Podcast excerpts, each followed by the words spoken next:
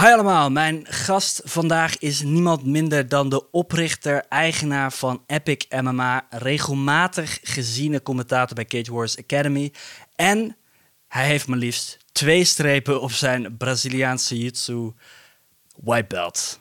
Het is Giovanni Chin. Giovanni, welkom bij ronde 6. Dankjewel. Wat een prachtige aankondiging. graag gedaan, graag gedaan. Ik heb er, ik heb er energie in gestoken. Hey, um, we zijn hier vandaag om uh, UFC 294 voor te beschouwen. Um, een super groot evenement. Het zal plaatsvinden in Abu Dhabi komende, uh, komende zaterdag. Uh, er zijn veel wijzigingen plaatsvonden, maar wat we gaan doen, wij gaan gewoon even die, even, die gevechten doornemen die op die avond gaan plaatsvinden. Een aantal in ieder geval. En we maken er gewoon iets moois van. Het laatste gevecht van de avond. Makachev versus Volkanovski 2. Titelgevecht lichtgewicht. Vorige keer in de achtertuin van Volkanovski in Australië. Nu in de achtertuin van Makachev in Abu Dhabi. Um, ja, ik ga gewoon meteen die vraag doorspelen naar jou. Um, dit gevecht was oorspronkelijk Makachev versus Oliveira. Nu is het Makachev versus Volkanovski. Welke tegenstander krijgt eigenlijk jouw voorkeur in deze, in, in, tijdens dit evenement? Uh, nou, het is wel goed dat je, het, uh, dat het vraagt inderdaad. Kijk, als we gewoon kijken naar de oddmakers en onze vrienden die, die het gok allemaal uh, beheren. En was de vorige partij tegen Oliveira was veel minder spannend volgens hun. En Makachev was daar een heavy favoriet. En nu tegen Volkanovski, ja, weet je, hun vorige partij was, was veel spannender dan dat van Oliveira. Dus ik, ik was wel balen, want ja, ik vind Oliveira een hele leuke vechter, een heel leuk persoon om te zien ook. En alleen ik denk dat deze partij voor deze kaart wel veel meer brengt. Ik denk dat het een, een betere partij is. En hun vorige partij was ook close, zoals ik zo net zei. En het is champion versus champion. Dus geluk bij een ongelukje, zou ik noemen. Ja, en hoe, uh, wat vind jij van die odds, zeg maar? Die, die, want ik heb inderdaad ook even op Unibet gekeken naar wat uh, de kansen zijn voor beide vechters. Volgens mij staat Volkanovski op dit moment op plus 200. Dat betekent dus dat je 100 euro moet inzetten om 200 euro te winnen. Um, wat vind je ervan dat, dat, dat uh, Volkanovski een betere kans krijgt dan Oliveira? Uh, ja, uh, legitiem. Ik vind, het wel, ik vind het wel gepast eigenlijk aan deze odds. En vooral als je kijkt gewoon naar de vorige partijen. Kijk, we kennen allebei, zoals ze dat noemen, MMA math. En wat ze, wat ze daarmee bedoelen is, um, ja, dan gaan ze altijd vechters vergelijken. Maar het mooie is, in dit geval dat ze eigenlijk bij beide partijen al plaatsgevonden hebben. Dus als je gewoon kijkt naar de vorige partijen, is het ook eigenlijk wel logisch dat Volkanovski een betere beoordeling krijgt of een betere kans krijgt om te winnen van Makhachev dan Oliveira. Ja, ja want uh, inderdaad, je noemde MMA Math, ik noem het uh, eh, MMA Algebra. uh, even denken, ja, ik, ik zelf heb inderdaad, als ik nadenk over die twee, die twee gevechten die er mogelijk hadden kunnen, hadden kunnen plaatsvinden eigenlijk. Uh, als ik daarnaar kijk, dan denk ik inderdaad van oké, mijn persoonlijke mening. En ik heb gezien dat heel veel mensen online, ik uh, volg bijvoorbeeld Reddit heel, heel, heel nauw. En heel veel mensen daar gaven Oliveira eigenlijk nog best wel een goede kans in de herkansing. Die zeiden echt dat Oliveira er fris uitzag in zijn laatste gevecht tegen Dariush. Ik zelf vond het eigenlijk, ik heb niks gezien, naar mijn mening in ieder geval, wat ik niet had gezien um, in de gevechten tegen Chandler, in de gevechten tegen Gaethje, in de gevechten tegen Poirier. Dat waren allemaal prachtige overwinningen. En, en Darius was er voor mij gewoon eentje daarbovenop. En niet zozeer een overwinning die hem echt uh, heel nieuw leven inblies, zeg maar.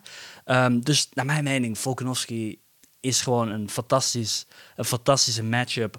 Vooral als je kijkt inderdaad naar de vorige gevechten. Ik bedoel, ik heb het idee dat Volkanovski dit keer ook echt veel te bieden heeft. Um, maar goed, dit gevecht vindt wel plaats elf dagen voor uh, of dit, dit gevecht is gemaakt elf dagen voordat het gevecht zou plaatsvinden. Op wie denk jij dat dit de meeste invloed gaat hebben? Denk jij dat dit uh, Makachev gaat beïnvloeden of denk je dat dit juist voor Volkanovski een, een probleem kan uh, creëren? Als we eerst kijken naar Volkanovski, en hij is natuurlijk met een hele korte voorbereidingsperiode gaat hij naar deze partij. En aan de ene kant, het is natuurlijk ook heel veel een mentale voorbereiding wat je doet. En hij heeft het voordeel dat hij al eerder heeft gevochten tegen Makachev ik weet ook dat Volkanovski altijd in de gym is. Weet je, het is geen uh, Paddy die, uh, zeg maar, als hij niet in camp is, dat hij dan, uh, weet ik veel, 50 kilo zwaarder wordt. Dus en aan één kant is het misschien nadelig voor Volkanovski dat hij zulke weinig voorbereidingstijd heeft.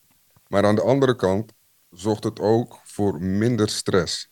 En als je drie maanden van tevoren gaat voorbereiden, ja, je zit in een bepaalde zone, je zit in een bepaalde, um, bepaalde gedachtegang zit je in, maar je kan ook gewoon heel veel. Je hebt altijd zo'n stemmetje in je hoofd die zegt nee, je kan het niet. Je hebt altijd zo, je hebt altijd iets in zo'n lange voorbereiding wat, wat je ook op een andere mentale baan kan leiden. En ik denk soms, wat ik ook heel vaak hoor van vechters, als je inspringt, korte voorbereidingstijd, dan ga je heel vaak gewoon erin met een fucking mentaliteit, om het heel eventjes scheef te zeggen.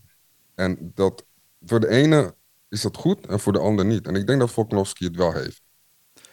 Ja, want ehm, het, wat, mij altijd bijblijft is een van die quotes van uh, Khabib. En, en, volgens mij was dat het volgende. En probeer me alsjeblieft niet, uh, bind me niet aan vast, want ik haal het uit geheugen.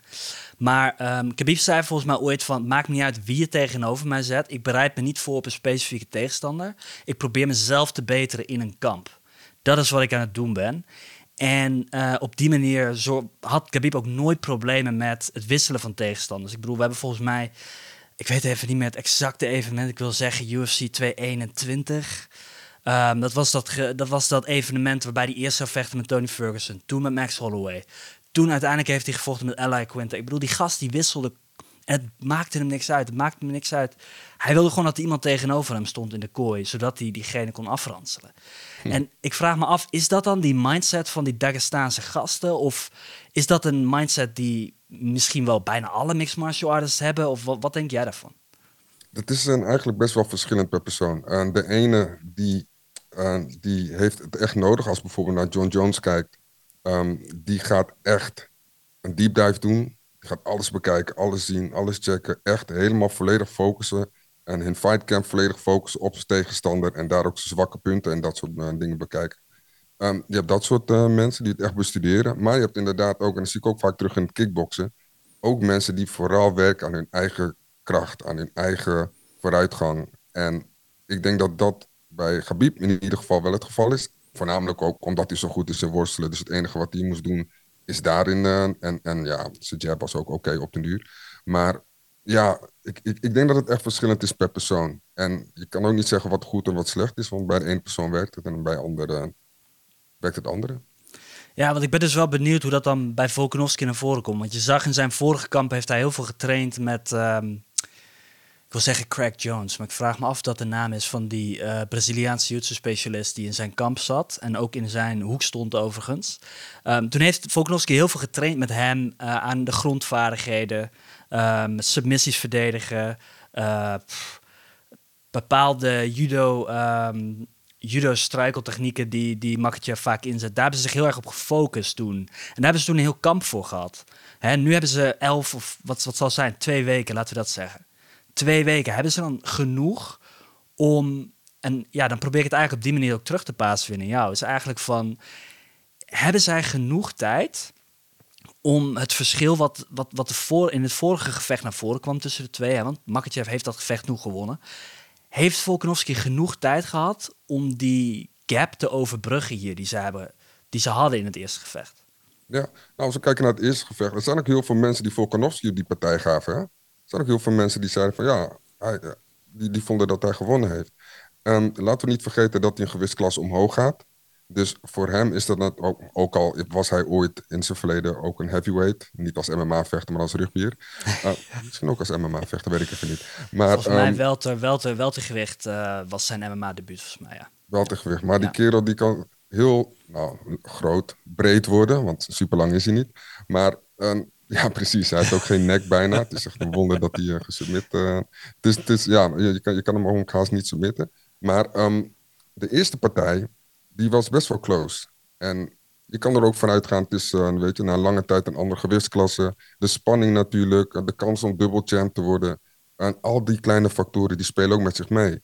En het is nu niet nieuw meer. Hij heeft zijn kracht gevoeld, hij heeft zijn worstelen gevoeld. Hij weet nu hoe het is. Hij, heeft, hij is zelfs, volgens mij was het in de laatste ronde, heeft hij hem zelfs naar de grond gekregen. Of in ieder geval toppositie gekregen. Um, dus ik denk eigenlijk, ik, ik weet niet, of het is twee weken te kort het huiswerk is al gedaan. Het is nu denk ik meer doorgaan op de tactiek en de strategie die ze al hadden. En alle spanning en alle angst voor het onbekende is nu weg. Dus ik denk wel dat hij in ieder geval mentaal goed voorbereid is. Ehm, ik verwacht dat hij altijd in de gym is gebleven. Dus dat hij conditioneel ook goed is. Ik verwacht, uh, en helemaal als we eerlijk zijn en hoe goed Volkanovski is, want hij is echt wel pound for pound een van de beste. Um, pound for pound natuurlijk, zoals je weet, uh, ongeacht gewichtsklasse. Um, een van de beste vechters die er, er nu rondloopt. Ik denk dat hij geen probleem gaat hebben. Maar ik vind ook dat hij het niet als excuus mag gebruiken, mocht hij verliezen. Ja, ja, ja ik, ik, ik maak me gewoon wel echt zorgen eigenlijk. Want het punt is, je ziet hem gewoon de vorige keer heeft hij zo'n lang kamp gehad. De vorige keer heeft hij dus ook al die tijd gehad om naar lichtgewicht te komen. Ik bedoel, vedergewicht, eh, het scheelt 10 pond. Wat zal het zijn? 4, 4,5 kilo. Alleen, dat, dat zijn gewoon massaal, het zijn grote verschillen op het moment dat je naar die lagere gewichtsklasse kijkt. En dan hebben we ook iemand als Makachev, een gigantisch lichtgewicht. Ik bedoel, op het moment dat die gast op de weegschaal staat, dan zie je volgens mij de aders over zijn buik lopen. Het is echt wat, waar die gasten zichzelf, die, die Dagestaanse gasten zichzelf doorheen halen tijdens, die, tijdens die, hè, dat gewicht verliezen voor in, in aanloop naar het weeg, dat, dat weegschaalmomentje. Dat is echt gestoord. Ik heb, ik heb YouTube-video's gezien van waar die gasten die dat water nog proberen kwijt te raken, zo vlak voor het, voor het inwegen. En het is echt, het, het lijkt wel alsof ze doodgaan op dat moment. Het is echt is bijna beangstigend om te zien. En dus Makachev is zo'n grote gast. Volkanovski ja, het is inderdaad een grote gast geweest, maar hij zag er niet, zeker niet groter uit dan Makachev. Ik vond hem ook een stuk kleiner uitzien in het vorige vecht.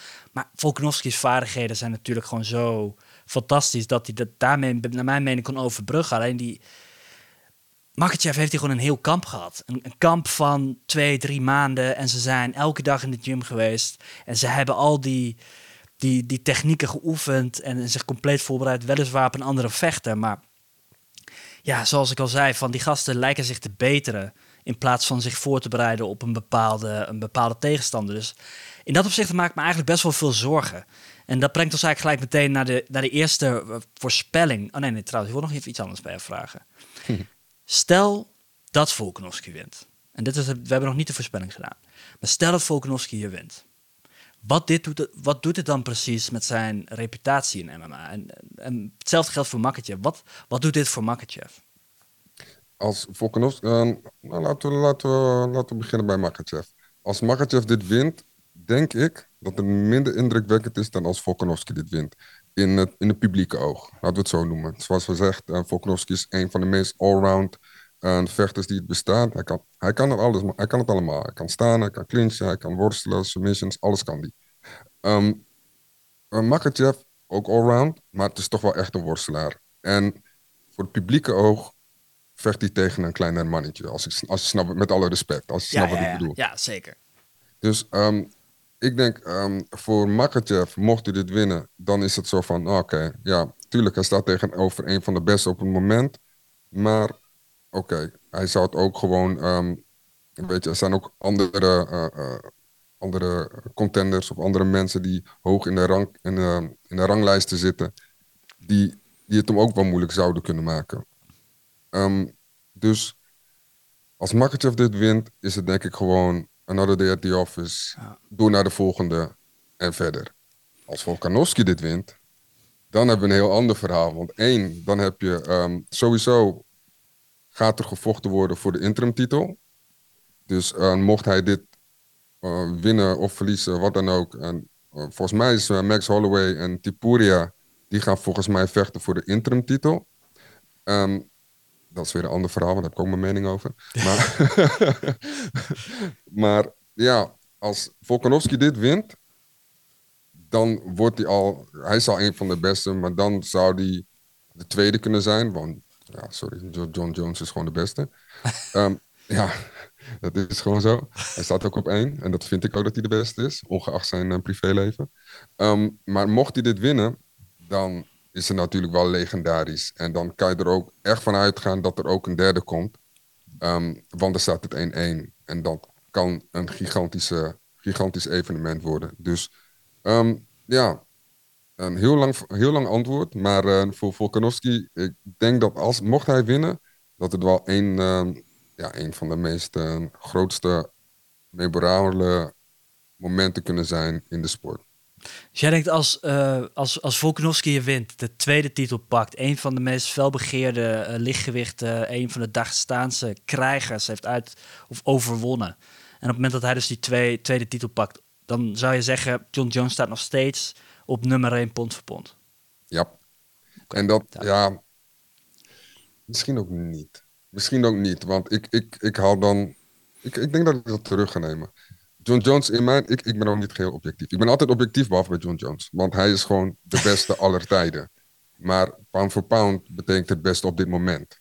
Vind ik. Die ranking is van op dit moment. Ja, ja, en als je kijkt wie de laatste jaren meer actief geweest is, grotere dingen heeft gedaan, dan is het wel Volkanovski. Jones is natuurlijk lang eruit geweest. Cyril Gaan eventjes af laten tikken. En weer, uh, weer, uh, weer er vandoor, zeg maar. Dus eigenlijk zou Volkanovski dan op één moeten staan.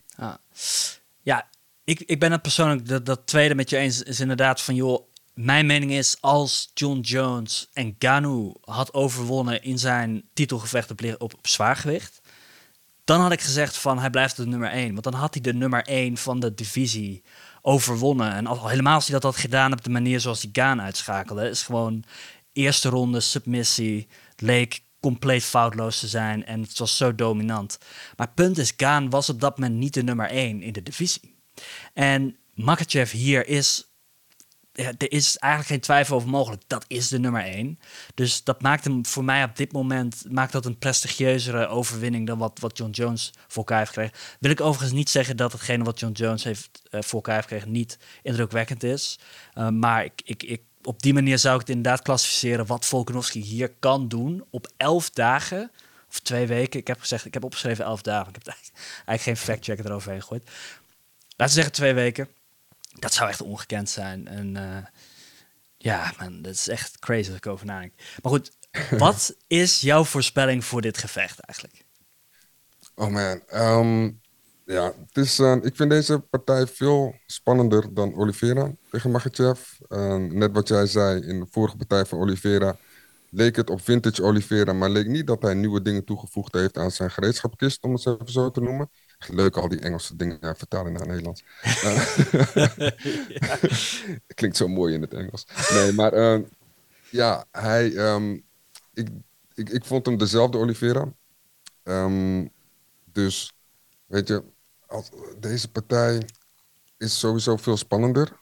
Um, vorige partij was close.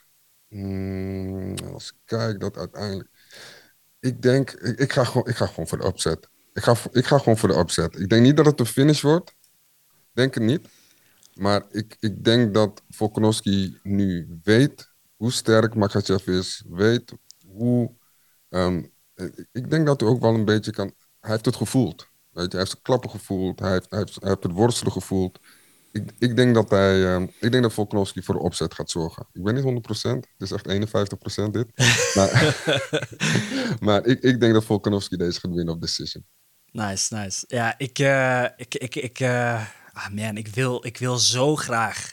Ik wil zo graag dat Volkanovski wint. En ik heb niks tegen Makachev. Maar dat vorige gevecht was zo competitief. En, en Volkanovski kon het bijna vastpakken. En daarom dacht ik echt van, oh, hij heeft het gedaan, hij heeft het gedaan. En toen had hij het niet gedaan. En toen dacht ik, oh man. En ik heb het gevecht nog een keer teruggekeken. En ik merkte wel dat ik heel erg met, met een Volkanovski-bril op dat gevecht aan het kijken was toen het gebeurde. Omdat ik gewoon zo erg onder de indruk was van het feit dat hij gewoon zo'n mooie potten van maakte. Um, maar toch, mijn voorspelling hier gaat zijn uh, dat ik denk dat Makachev gaat winnen. Simpelweg omdat het op elf dagen is. Omdat hij uh, zichzelf ook heeft gebeterd. Omdat het in Abu Dhabi is. Omdat Khabib waarschijnlijk, ik weet niet, eigenlijk niet of hij in zijn hoek gaat staan. Maar ik denk persoonlijk dat hij in de hoek gaat staan. Uh, maar was wel het laatste, de laatste twee weken van het kamp er wel bij. Uh, ik, ik denk als dat allemaal samenkomt.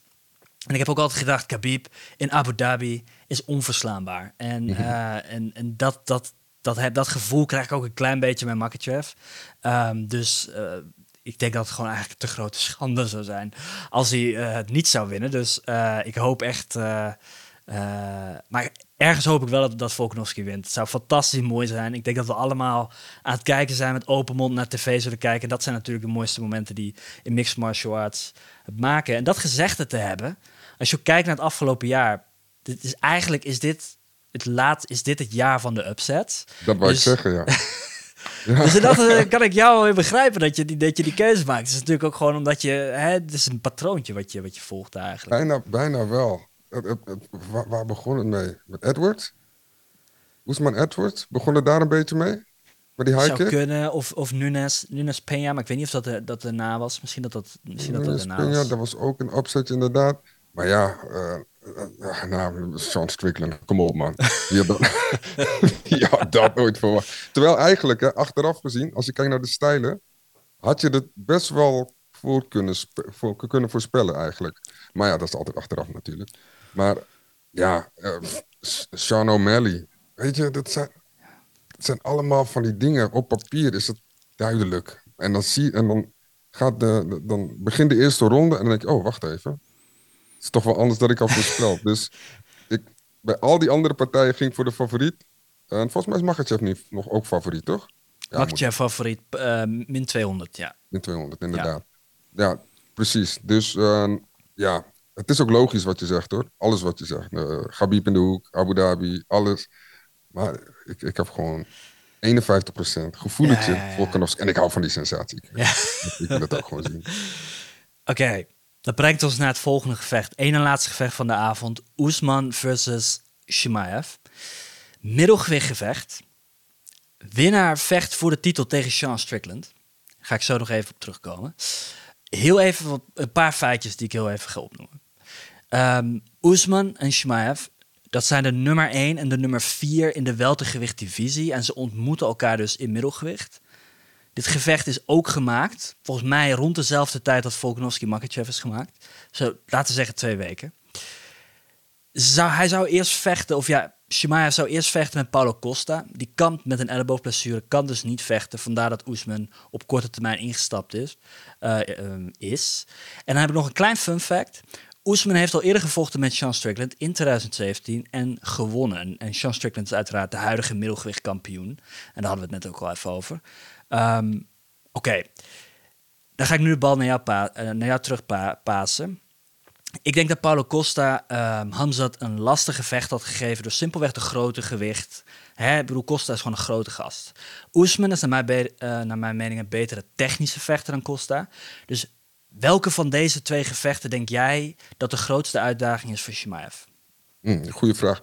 Um, mm, het is wel wat je zegt. Costa die is natuurlijk aan dit gewicht al gewend. En Shimaev is een hele goede vechter, absoluut. Heeft lang niet meer gevochten. Hij heeft lang niet meer gevochten. En ehm, hij heeft natuurlijk ook lang gekampt met een long-covid, waar hij gewoon doorheen heeft getraind, waardoor het nog erger is geworden. Als ik nu kijk naar deze partij, ik denk uh, dat het. ik denk dat hij met Costa moeilijker gehad zou kunnen. Ja, ik ben niet, Simaaf is ook wel een grote hoor. Vergis je niet, hij is, hij is een, een, een, grote, grote vechter. Maar natuurlijk, uh, Costa heeft natuurlijk zijn secret juice. Dat is een, grapje wat hij maakt, omdat hij zo, uh, zo gespierd is. We hebben net een fotomodel soms. Um, maar het is een grote, sterke gast. En ik denk eigenlijk dat Shimaev wel problemen zou hebben met hem naar de grond te krijgen. Absoluut. Um, maar ik denk wel dat het hem uiteindelijk had, was gelukt. Ik denk dat je maat uiteindelijk wel naar de grond had gekregen. En als je eenmaal op de grond bent met je maat bovenop je, wens ik je veel succes. Dat wordt heel lastig. Ja. Aan de andere kant heb je natuurlijk Oesman, die kort termijn binnenkomt. Ik vind persoonlijk Oesman meer allround vechter ook staan. Uh, Costa is voornamelijk, naar mijn mening, heel sterk boksend.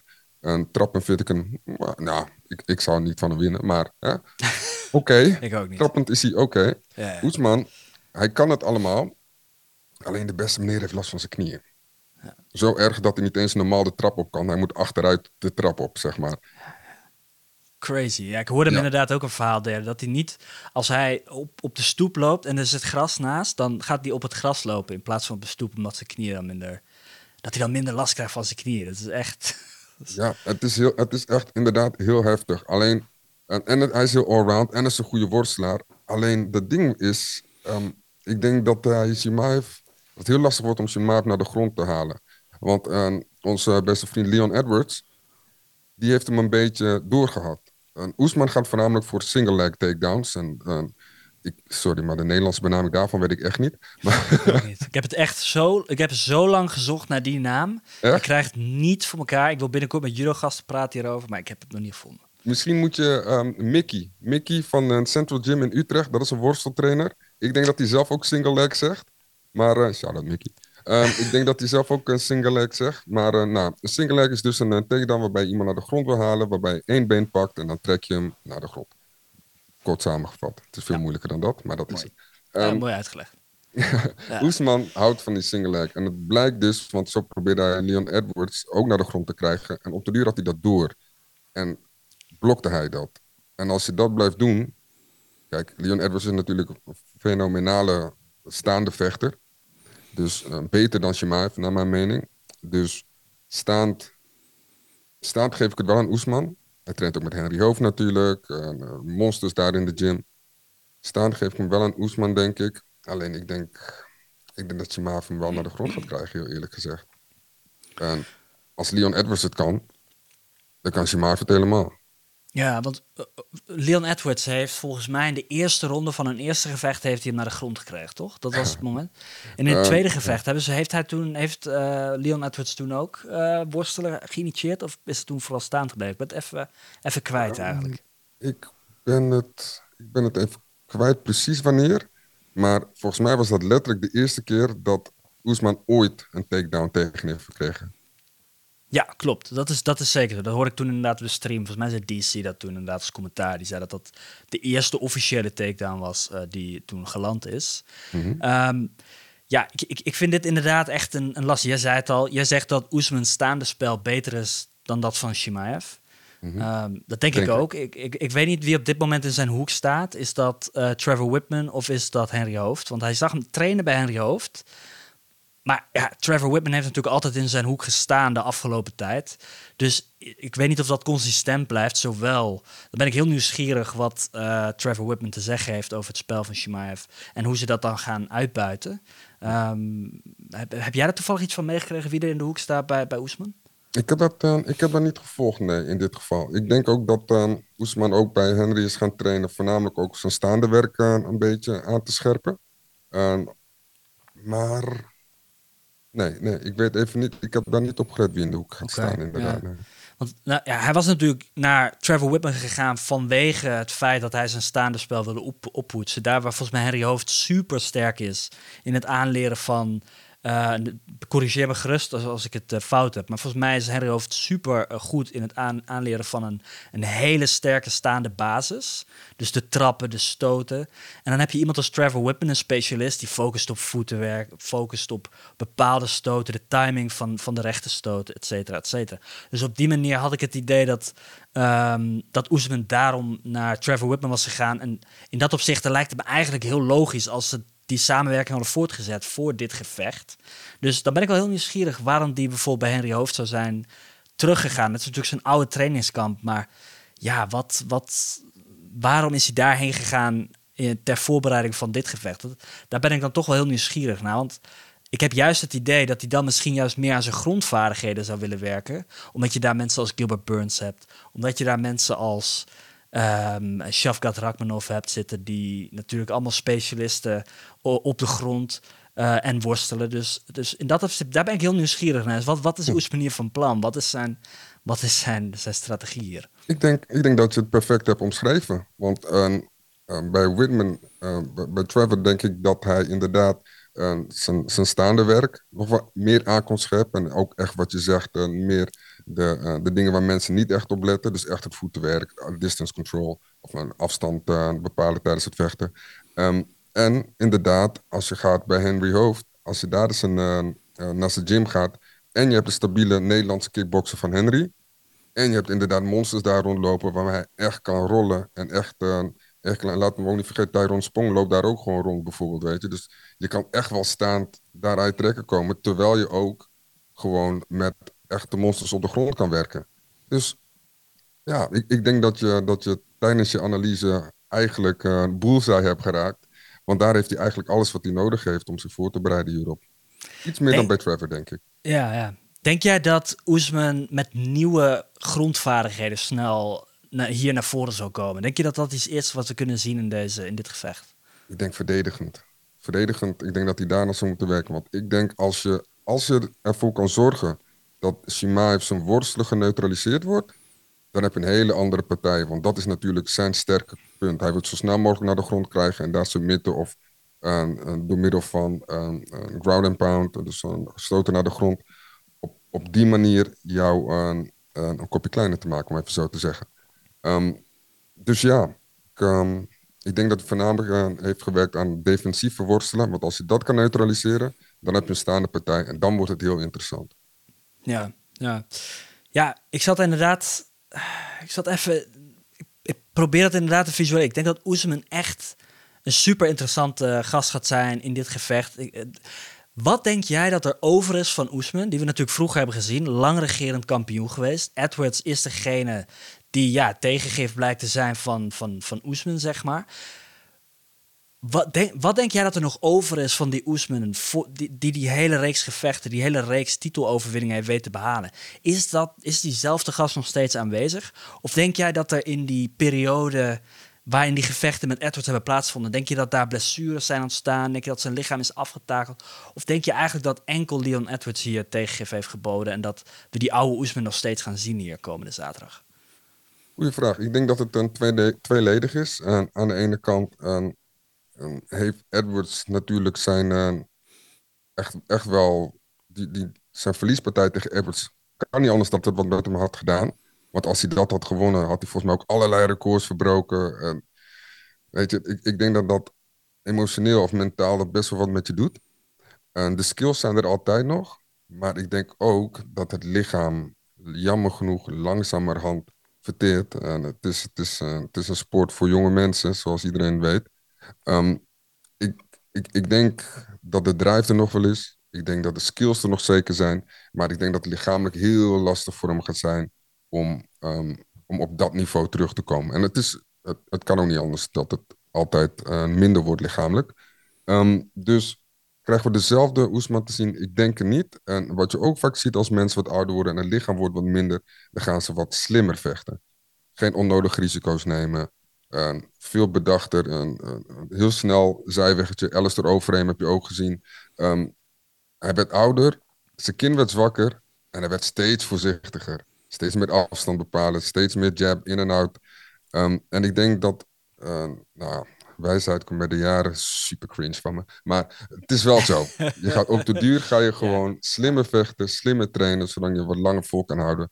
Dus ja, zijn skills zijn er nog wel. Zijn mindset is er nog wel. Maar ik denk lichamelijk dat hij daarin, dat dat wel een factor zal zijn daar die tekort in zou komen. Ja. Fun fact, alles daarover is volgens mij in de UFC-ranglijst, de overall statistieken, is hij volgens mij de sterkst defensieve vechter in de UFC. Uh, dan moet ik heel eventjes... Uh, ik kan nu even het internet niet bijpakken vanwege dat hoorde... ik wil geen risico lopen in het systeem hier overbelasten. Normaal doe ik dat altijd eventjes. Maar ja, alles daarover is inderdaad... die wijsheid is echt met de leeftijd gekomen. Um, Oké, we zien Oesman inderdaad. Ik denk inderdaad dat we een, andere versie van hem gaan zien. Zou Oesman en Shimaev... zou dat dezelfde pot zijn op weltergewicht... als dat het nu op middelgewicht gaat zijn? Mm, ik denk dat het misschien nog wel een, een betere partij is.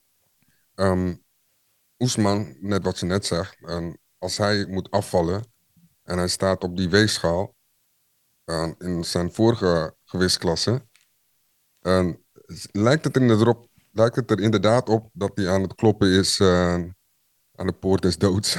om heel duister, heel duister te klinken. That escalated quickly. Nee, um, hij, hij, ziet er echt uh, doodziek uit. En dat, en dat zijn ze ook vaak. Het is echt, uh, het is echt heel eng. Ja, um, Maar dat heeft hij nu minder natuurlijk. Hij heeft minder af te vallen. En wat aan de ene kant is dat afvallen ook mentale voorbereiding. Maar het doet ook wat met je lichaam. En ik denk dat dat, dat eigenlijk alleen maar beter voor hem is. Kijk, als je afvalt, je valt ook vocht af. Wat betekent dat er minder hersenvocht is. Wat dus ook betekent dat je sneller knock-out kan gaan. En als hij minder hoeft af te vallen, dan heb je daarin ook minder risico.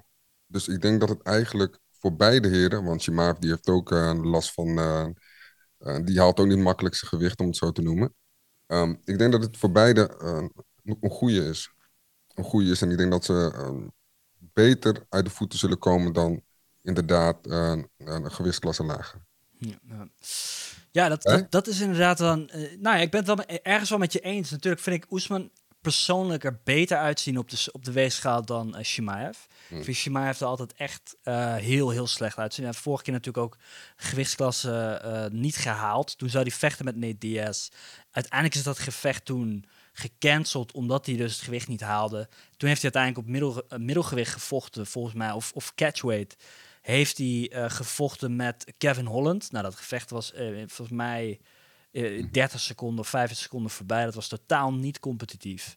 Um, dus in dat opzicht, ja, ik ben heel nieuwsgierig wat dat gaat doen met Oesman. Vooral omdat we hem eigenlijk altijd op weltergewicht hebben gezien. Shimaev hebben we natuurlijk eerder op middelgewicht al gezien.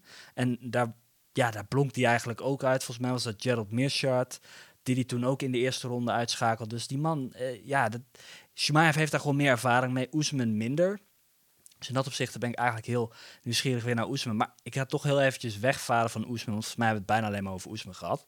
Mm Shimaev. Ik heb gisteren toevallig een interview gedaan met Alain van der Merk. Dat is een Belgische vechter. Topboy. En... Sorry? Topboy. Ja, volgens mij is dat zijn bijnaam inderdaad. Ja, klopt. Is dat zijn Instagram-handle? Ja, dat is zijn ja. bijnaam. Superleuke gast. Oh ja, gast. fantastisch, fantastisch gesprek. Um, en, en ik heb hem volgens mij horen zeggen dat hij een trainingskamp heeft gedaan met Hamzat Shmaev. En hij vertelde daarover dat uh, Hamzat, Hamzat die gaat en die gaat en die gaat, ook tijdens het trainen. En het punt is, en, en dit is iets wat, wat mij dan weer beangstigt aan die mindset, is op het moment dat jij gaat trainen om te winnen, ben je dan wel aan het leren. Hm. Wat denk jij daarvan?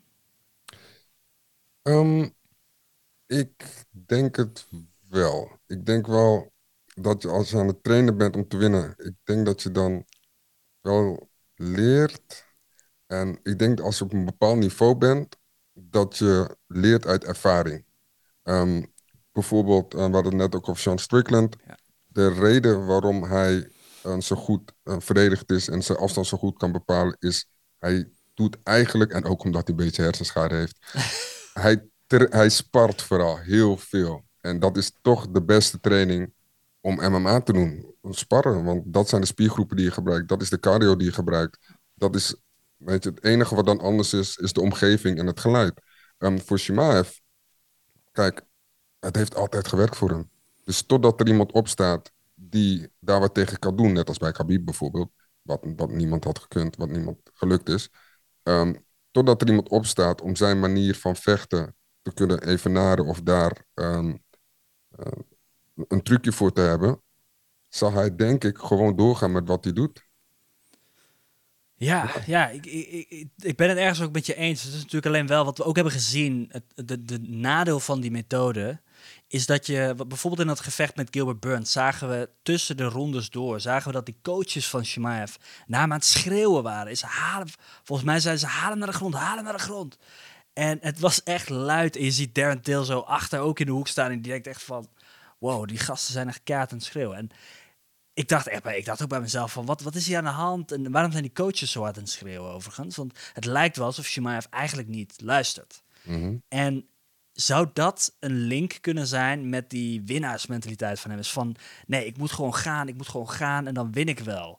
Terwijl je in dat gevecht met Burns zag, dus ze stonden allebei een mannetje, maar Burns, Burns is geen, is, is geen kneusje op, op de voeten. Die gast, die raakten hem een aantal keer. Dat was, was ongelooflijk. Nou, uiteindelijk heeft Shimaev gewonnen. Maar wat, wat zegt dat dan, dat gevecht eigenlijk over Shimaev? Is op het moment dat hij een bepaald niveau nadert... zou hij dan beter kunnen luisteren naar zijn coaches? Of denkt hij, denk je dat hij zijn instinct moet blijven volgen daarin? Um, nou, wat, mijn advies... Hm, ik, ik denk dat hij... Het is, het is moeilijk om advies te geven hierin. Um, want inderdaad, met Burns heeft hij echt iemand tegenover zich gehad die echt, echt uh, high level is. Echt wereldniveau. Een wereldniveau tegenstander. En daar had hij minder makkelijk mee, of zeg maar gerust, moeilijker mee dan zijn andere tegenstanders. Um, ja, ik denk. soms als uh, vechters in de hoek zitten en hun coaches zijn aan het schreeuwen, soms is dat ook de manier waarop ze gecoacht moeten worden. Andere mensen die willen juist een rustige hoek hebben. En misschien is het ook gewoon een reden waarom Shimaf hun in zijn hoek heeft gezet. Omdat hij dat ook nodig heeft. Iemand die hem af en toe even, even op zijn op donder geeft. En zegt, wij luisteren nu, aanpakken die op. Um, voor Shimaf, ik, ik denk vooral ook omdat ik ik ken hem persoonlijk niet, maar ik denk wel dat hij een heel trots persoon is. Met een best een egootje. Ik denk dat hij net zo lang zo doorgaat totdat hij tegen een lamp loopt. Totdat er iemand tegenover hem staat die hem aanpakt. En dan gaat hij aan zijn skills werken. Dat is wat ik denk. Denk jij dat dat Oesman is die dat gaat doen? Ik denk het niet. Oké. Oh, is dat een spoiler voor de, voor de, voor de prediction? ik wilde net vragen. Uh, Oké, wat, uh, wat is je voorspelling? Uh, Ik ga heel even naar Fight Ik ga die heel even voorlezen en dan kunnen we op, op basis daarvan even zeggen um, wat het gaat doen. Unibet, overigens word ik niet gesponsord, maar ik gebruik het gewoon eventjes als voorbeeld. Um, Hans Shmaev, min 2,5. Ja, shit, sorry. Gasten, Unibet, als jullie luisteren, kom op. Uh, waar blijft die uh, sponsordeal die, waar ik op zit te wachten? Um, Hamza Shemaev min 2,75, dus de favoriet. Dat betekent, je moet 275 euro inleggen om 100 euro te winnen. Kamaru Usman plus 210. Dan mag je nu, uh, kom, maar, kom maar op met je voorspelling eigenlijk. Ik vind dat, uh, ik vind dat een goede voorspelling. Ik denk ook dat het realistisch is. En ook wat je hebt gezegd. En uh, ook Oesman, die moet op, op best wel, met best een korte voorbereiding, stapt hij in. Um, ik weet niet hoe fit hij is als we vergelijken met Volk, met Volkanovski. Um, weet ik ook dat Oesman lichamelijk ook wat meer dingetjes heeft, uh, wat, wat het lastig maakt. Um, niets om weg te nemen van de skills van Oesman. Want dat is opnieuw wereldklasse. Een van de beste alle tijden. En vooral in zijn tijd, weet je. Dat is gewoon niet normaal wat hij heeft neergezet. Um, maar ja, Chimaev die, uh, is ongeslagen. Chimaev die heeft problemen gehad met zijn gewicht. Nu niet. Hij heeft een hele goede, lange voorbereiding gehad in Abu Dhabi. Dus hij hoeft niet meer te wennen aan de hitte. Hij hoeft niet meer te wennen aan, aan zandlucht. Ik zeg niet zomaar wat, ik weet niet wat zandlucht is. Maar hij hoeft niet meer te, zandlucht. hij hoeft niet meer te wennen daaraan. Hij gaat, zal geen jetlag hebben. En, en, en dit is zijn kans om te laten zien dat hij ook op dat niveau hoort waar Oesman is, slash was. En ik denk, um, ik denk wel dat hij snel moet zijn. Zoals altijd. Ik denk dat hij wel in de eerste of de tweede ronde die moet finishen. Wat ik ook denk dat gaat gebeuren. Um, want qua cardio vind ik Oesman, Oesman, kan, Oesman kan zeg maar het laatste beetje uit, de, uit het potje schrapen, zeg maar. En ik, ik geef het wel aan Shimaev. Ik zei wel heel resoluut en snel nee. Uh, of uh, dat ik het aan hem gaf. Uh, maar ik denk nog wel dat het een spannende pot gaat zijn. Dat wel. Maar ik denk dat Shimaev hem uiteindelijk wel naar de grond gaat krijgen. En daar... Mm, ik denk niet met... Ja, oké. Okay. Ik denk dat met de takedown naar de grond gaat krijgen met ground and pound. En gaat finishen. Dat denk ik. Goeie, uh, ik, ik ga me daar gewoon bij aansluiten. Ik, ja, ik ga in dat, in dat opzicht gewoon heel saai zijn. Ik denk inderdaad, wat jij zegt, die zandlucht, dat is gewoon een nek, uh, dat is gewoon een killer. Dat is een killer. ik denk dat Oesman daar uh, niet overheen gaat komen. Nee, nee weet je, wat, wat, ik denk is inderdaad... Ik denk dat Sh hier meer ervaring heeft op middelgewicht, een langer kamp heeft gehad. En ik denk inderdaad dat de leeftijd ook in zijn voordeel speelt. En, en dat dat absoluut in het nadeel speelt van Oesman. Uh, iemand die uh, natuurlijk op de top van de wereld zat. En ja, Edwards heeft hem daar eigenlijk gewoon eraf getrapt, uh, letterlijk. En ik denk dat dat gewoon een hele, hele nadelige situatie is voor hem. Ik vraag me af waar hij op dit moment qua zelfvertrouwen staat. Um, maar aan de andere kant, hij heeft wel een overwinning over de huidige kampioen in middelgewicht. En ik denk dat hij zich heel erg bewust is van zijn kansen op die middelgewicht titel op het moment dat hij hier komende zaterdag doorheen komt. Dus dat gaat hem waarschijnlijk wel heel gemotiveerd maken. Maar ja, ik denk toch, Shimaev is zo'n beest. Tot nu toe hebben we enkel dominantie van hem gezien, behalve in dat vecht met Burns. Mm -hmm. En uh, ik denk dat dat hier inderdaad ook gaat gebeuren. Um, maar als ik nog heel even terug kan komen, wat wel ja. natuurlijk is, is dat Burns natuurlijk ook een teamgenoot is van Oesman. Ja. Dus uh, in die korte voorbereidingstijd, uh, wat Oesman heeft, denk ik wel dat Burns erbij zat en hem wel wat tips en tricks heeft gegeven Waar die, eh, waardoor hij het uh, natuurlijk uh, Chimaev wat moeilijker gemaakt heeft dan anderen. Weet je, misschien... En wat je net ook zag inderdaad, de kans om ook een middleweight kampioen te worden... zou wel motiverend zijn voor Oesman. Maar ja, motivatie en mindset is nooit... Daar heb ik nooit met twijfels over gehad met Oesman. Het is, kan niet lichamelijk aan. Ja. Daar, dat is een beetje waar ik me druk om maak. Ja, ja ja, je hebt helemaal gelijk. Uh, en uiteindelijk, um, de reden waarom ik denk dat Shumaev niet naar de grond ging met, met Burns, uh, een van de redenen zal mogelijk zijn ego zijn geweest, zal mogelijk zijn vurigheid zijn geweest. Maar een ander deel daarvan is, Burns is een, ja, is, is een wereldkampioen Braziliaans jiu-jitsu. Eh, daar wil je gewoon, ik snap heel goed dat hij denkt, oh, ik wil wel in het worstelen domineren, maar op het moment dat we naar de grond zijn, moet ik, op het moment dat we naar de grond gaan, moet ik echt, echt voorzichtig zijn. En Oesman is een goede worstelaar, maar die is niet zo dodelijk op de grond als, als Burns. Dus ik kan me voorstellen dat Shimaev hier geen enkel probleem heeft met uh, naar de grond gaan met, uh, met Oesman. En daarbij, we zagen ook dat Shimaev Burns echt volgens mij naar wil optilde en op de grond smeet.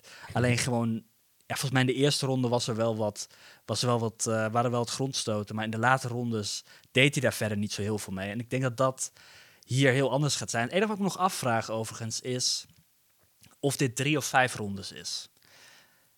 Drie. Komen event? Ja, ja. Drie rondes. Oké, dus dit is niet zo'n dit is niet zo'n gevecht waarbij Dana White heeft gezegd: "Oh, laten we kijken hoe deze gasten er op vijf rondes uitzien." Volgens mij niet. Ik had uh, vorige week vrijdag was uh, de legendary Marcel Dorf bij mij in de livestream en volgens mij zei hij dat dat drie rondes was. Oké. Nou, en als hij dat zegt, dan is dat zo. Ik, ik, ga, ik praat niet, nee, nee, ik ga niet tegen hem in. Hij is de goat. ik heb hem laatst even opgezocht op, uh, op, op Eurosport. Volgens mij heeft hij 13, 1300 artikelen geschreven voor Eurosport. Dus dat, uh, volgens mij is die man inderdaad echt... Uh, ja, jij kent hem, ik ken hem zelf niet. Dat is een ja, hij is, hij is, een machine. Hij is, een, hij is een, volgens mij heeft hij zijn eerste artikel bij mij geschreven. Hij zat ook bij mij in het teampje, in dat UFC, in het Facebookgroep. Hij, hij was er ook oh, een van. En hij is de ah. motor. Hij heeft alles. Hij, is, hij, is, hij is een machine, man. Dat is niet normaal. Geweldig, man. Als je, als je hem interviewt, moet je een spelletje met hem doen. Als je een UFC-nummer vraagt, welke dan ook, kan hij je 9 van de 10 keer wel een main event, co-main event en de uitslag vertellen. Van alle UFC-events. Oh, oh, je bedoelt, oké. Ik dacht heel even de, de, de walkout uh, song. Uh. Nee, nee, nee. Oh, misschien dat ook. Misschien dat ook. Nee, hij, eh, als ze zegt UFC 195. Of dat bestaat nog niet. Maar UFC 173. Dan zegt hij, main event dit, kom main event dat. Ze is er zo. Ja, hij is, hij is Ik ga dit, ik ga dit uh, ja, nu je dit hebt gezegd, mocht ik hem ooit spreken, ik ga dit 100% testen. Tuurlijk, je moet. Dus uh, ja, die ga ik even opschrijven. Um, dankjewel voor die tip.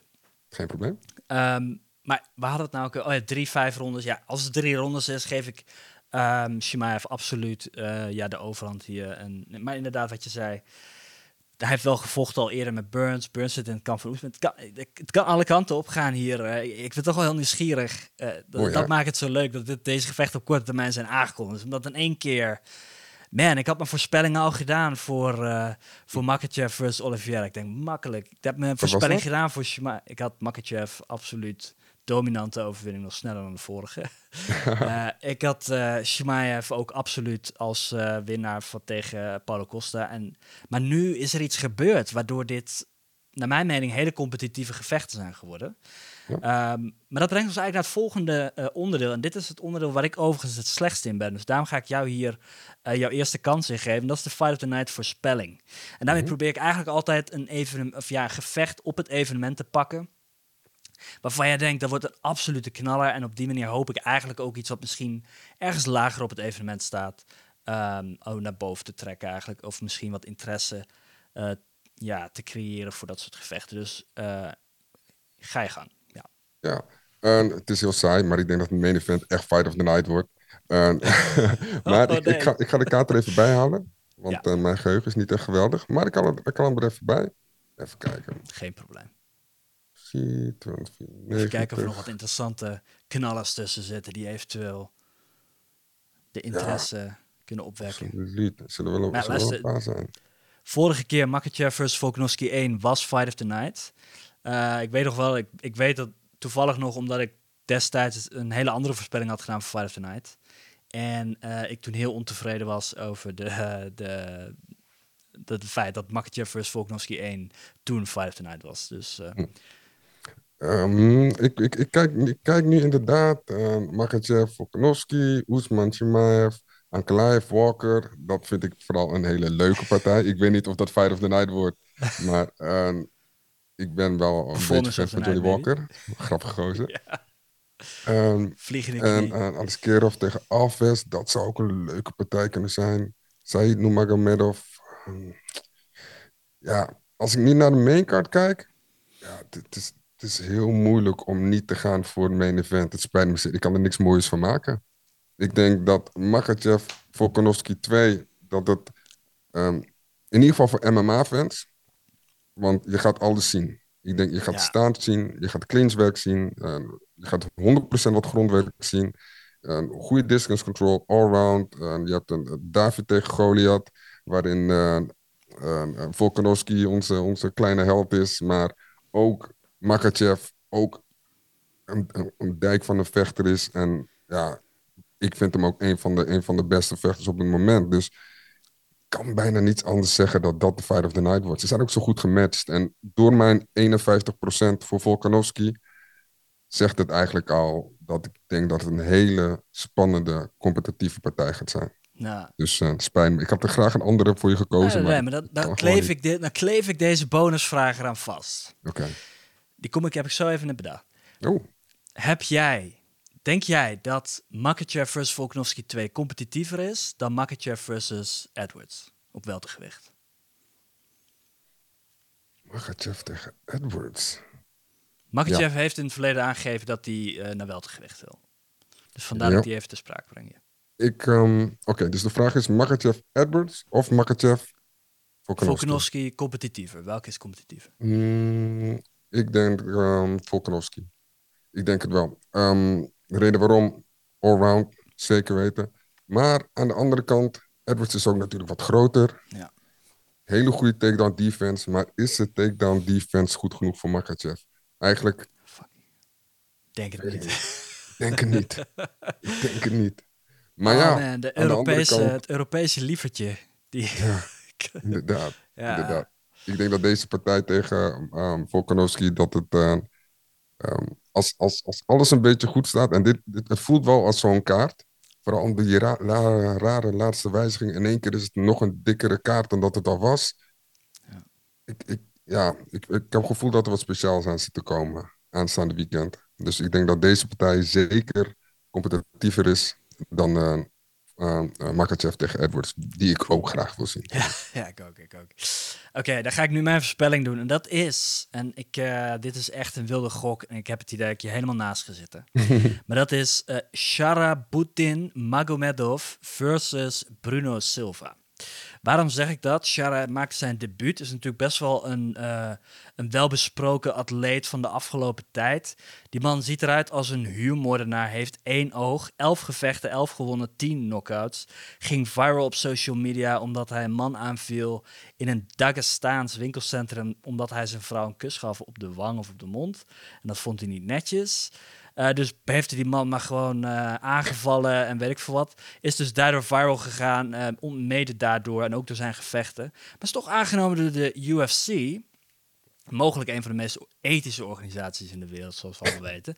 En, en Shara heeft dus 10 knockouts op zijn naam staan. Maar dit is het mooie. Bruno Silva heeft 20 knockouts op zijn naam staan. En dat maakt dit gewoon zo, naar mijn mening. Ik heb het idee dat ze Shara gelijk voor de wolven gooien. Bruno Silva, die vervol overigens drie rondes met Alex Pereira in de kooi heeft gestaan. Dus ik vraag me af of dat een knockout wordt. Uh, want als Alex Pereira niet knockout kan slaan, wie dan wel? Gaat, gaat Shara dat dan wel lukken? Dat is mijn vraag. En aangezien ze alle twee voor de knockout gaan, heb ik het idee dat die twee gasten gaan uh, ja, uh, ja, de, de vuisten gaan lanceren. En uh, dat, ik heb het idee dat dat mogelijk elkaar kan uitwisselen. En dat het daardoor drie rondes zal gaan en hopelijk, of twee minder, whatever. Zolang maar Fight of the Night is. Dat is het hm. enige wat ik hoop. Dat is mijn voorspelling. Ik denk dat je best wel een goed punt hebt hoor. Ook als je de, de, stijl, de stijlen bekijkt. En en waar ze allebei voor gaan, dat is gegarandeerd vuurwerk. Dus ik denk wel dat dat, dat zeker wel mogelijk is. Maar het kan ook zo een, een eerste ronde kouwtje worden. Hoor. Ja. Dat zou kunnen. Ja, ik, Maar ik, ik, ik hoop dat je gelijk hebt en dat dat Fight of the Night wordt. Ik ja, het. Maar ik, hoop het dacht wel. ook, ja, eigenlijk zou ik Performance of the Night voorspellingen bij moeten doen. Maar ik heb het idee dat dat gewoon niet zo...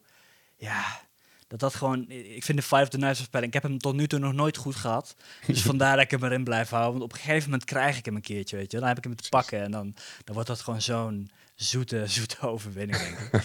Eh, maar ik eh, geef, moet heel eerlijk zeggen, ik geef jouw gevecht hier een grotere kans, denk ik, dan, eh, dan die van mij. Ehm, dan, ga ik het tot, ja, dan hebben we eigenlijk hier alles mee gezegd over het evenement. Giovanni, super bedankt voor jouw tijd. Ik ga je nog even vragen, eh, heb jij nog wat te delen met de mensen hier vandaag eh, over wat jij, wat jij doet, eh, waar je mee bezig bent? Ehm, ja, wat heb ik te delen? Kijk, voor mij is het. ehm, ik, vind, ik vind het leuk om dit soort podcasts te doen. Dus ten eerste ik wil ik je hartstikke bedanken dat je me hebt uitgenodigd hiervoor. Ehm, ik vind het altijd leuk om, om erover te praten. En als ik word gevraagd als gast, voel ik me altijd vereerd. Dan ben ik altijd blij dat ik gevraagd word. Ehm, dus dat, eh, dat ten eerste. Ehm, voor de rest, kijk, voor al mijn, al mijn bezigheden, alle dingen waar ik mee bezig ben. en al mijn socials, het is allemaal hetzelfde. Chin MMA, Theodor Jacob, Isaac, Nico, MMA. Dat heb ik geoefend, dat hoor je. hè? maar eh, daar kan je eigenlijk alles op vinden. Dus ben benieuwd wat ik doe. Ehm, eh, ben benieuwd, oh ja, het is audio only. Ben benieuwd hoe ik eruit zie. Ben benieuwd waar ik me allemaal mee bezig hou. Check gewoon mijn, mijn socials en dan zie je altijd wel of vecht of nieuwsupdates of andere dingen waar ik mee bezig ben. Voornamelijk op Instagram ben ik heel actief. ehm, waarbij je op mijn normale profiel vooral vechtsportnieuws ziet. Eh, je ziet vrij weinig van mij. Maar in mijn stories is het een, eh, een lollige bende. Want daar deel ik eigenlijk alles wat ik grappig vind. En dat is niet MMA per se. Dus ja, volg me op mijn socials. Dat is het enige eigenlijk. Super. Mag ik nog heel eventjes iets aan toevoegen om, om, om dat te verkopen? Want het punt is, ik zag, ik scrollde natuurlijk wel aardig wat naar beneden. Maar het punt is, ik zag jou, als het goed is, een interview doen met Bas Rutte. Mhm. En ehm, ben je nog steeds in contact met Bas? Of, of eh, hebben jullie regelmatig contact? Wat, wat speelt er eh, bij hem nog bijvoorbeeld? Oh ja, ehm, ja, weet- dan, ja ik, ik, kan jou, ik kan jouw vraag gewoon goed beantwoorden. Ehm, nice. soms kijk ik terug en soms scroll ik in mijn telefoon, want ik doe dit nu tien jaar. En dan kijk ik terug eh, met wie ik eigenlijk gewone gesprekken heb. En soms moet je een stapje achteruit doen en dan denk je echt van, jemig. En inderdaad, Bas Rutte, eh, en is de host, daar spreek ik bijna dagelijks mee over eten en over onzin. en Bruce Buffer heb ik in mijn telefoon. eh, allemaal van die gasten waar je eigenlijk alleen maar van kan dromen eigenlijk als fan. Eh, Ja, absoluut. hele toegankelijke mensen. En Bas Rutte op dit moment, ehm, even kijken, ik sprak, nou, wacht. Ik, dan pak ik gewoon mijn WhatsApp er even bij. Eh, Oeh, oeh, ik krijg een inside information hier, nice. inside information, nou ja, het is gewoon, eh, ja, ik weet het. ik weet niet of het inside information is. Het is gewoon letterlijk kijken wat hij uh, is wat laatst uitgespookt heeft. Even kijken. En, oh ja, nou, laatste wat ik met hem besprak is dat ik eh, volgend jaar naar Texas wil gaan. En ehm, als ik dan in Texas ben, wil ik sowieso twee dingen doen. Eén, dat is dus op bezoek bij Bas Rutte. Ehm, twee is naar Joe Rogan zijn, eh, zijn stand-up comedian café gaan. De Mothership, daar wil ik heen. En er is ook nog een planning om naar, om naar Tyrone te gaan, Tyrone Sprong. Dat is niet in Texas, maar ook daarheen te gaan. Ehm, daar ook gewoon mee te gaan en te, kijken wat hij allemaal doet. Ehm, waar Bas nu mee bezig is, hij is natuurlijk bezig met zijn O2-trainer. Dat is een apparaat wat hij gebruikt heeft voor je ademhaling. En dat helpt ook heel goed tegen astma, had ik begrepen. Ik weet niet precies hoe het werkt, maar dan moet je eventjes naar zijn, eh, zijn Instagram gaan. En Bas Ja. is altijd druk. Als er, nou is, als er nou een nieuwe film is, of een nieuwe serie, of commentaar, of, eh, of die O2-trainer, hij is altijd druk. Dus ehm, waar hij nu mee bezig is, dat stond er dan niet bij. Maar ehm, ja, laten we erop houden dat hij, dat hij heel druk is.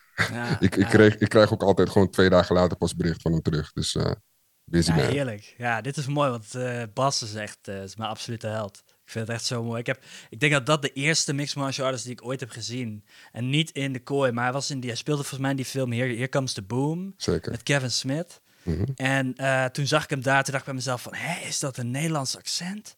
En toen ben ik er volgens mij gaan googlen en toen dacht ik, oh man, dat is een Nederlander, dat is een Nederlander die speelt een Amerikaanse film. Ja. Wow. En eh, ja, ik weet nog dat ik, en sindsdien heb ik hem steeds meer natuurlijk naar voren zien komen, ook in mixed martial arts. En het blijkt echt een absolute legend te zijn in de, in de industrie. Ja, ja. En, hij heeft eh, nog steeds een Brabants accent, hè? Als Ja. hij Nederlands praat. Je zou ergens verwachten dat ze op een gegeven moment gewoon geen Nederlands meer kunnen, maar dat, dat blijft hangen dus. Ja, absoluut. Hij heeft, eh, hij heeft wel moeite met een MMA-taal vertalen naar het Nederlands. Maar, maar dat heb ik ook terwijl ik gewoon hier woon en hier opgegroeid ben. Ehm, maar eh, ja, dat, eh, dat is wel iets. Nou, weet je, misschien link ik jullie wel. Moet je niet, moet je, moet je niet freaken, hè? Moet je niet, don't freak out, man. Maar eh, het zou wel leuk zijn. Oké. Toch? Als dat je absolute ja, nee, is, dan ga ik mijn best doen om eh, om hem eh, te linken met je. Giovanni, super bedankt voor je tijd. Ehm, je bent een absolute... Bas is een legende in MMA, maar jij bent een absolute legende in Nederlands eh, MMA-media en kickbox-media. Dus ik vond het echt een eer om, eh, om je hierbij te hebben. En ik vond het echt super, super om dit te doen. En ja, wie weet kunnen we dat ooit in de toekomst nog een keer doen.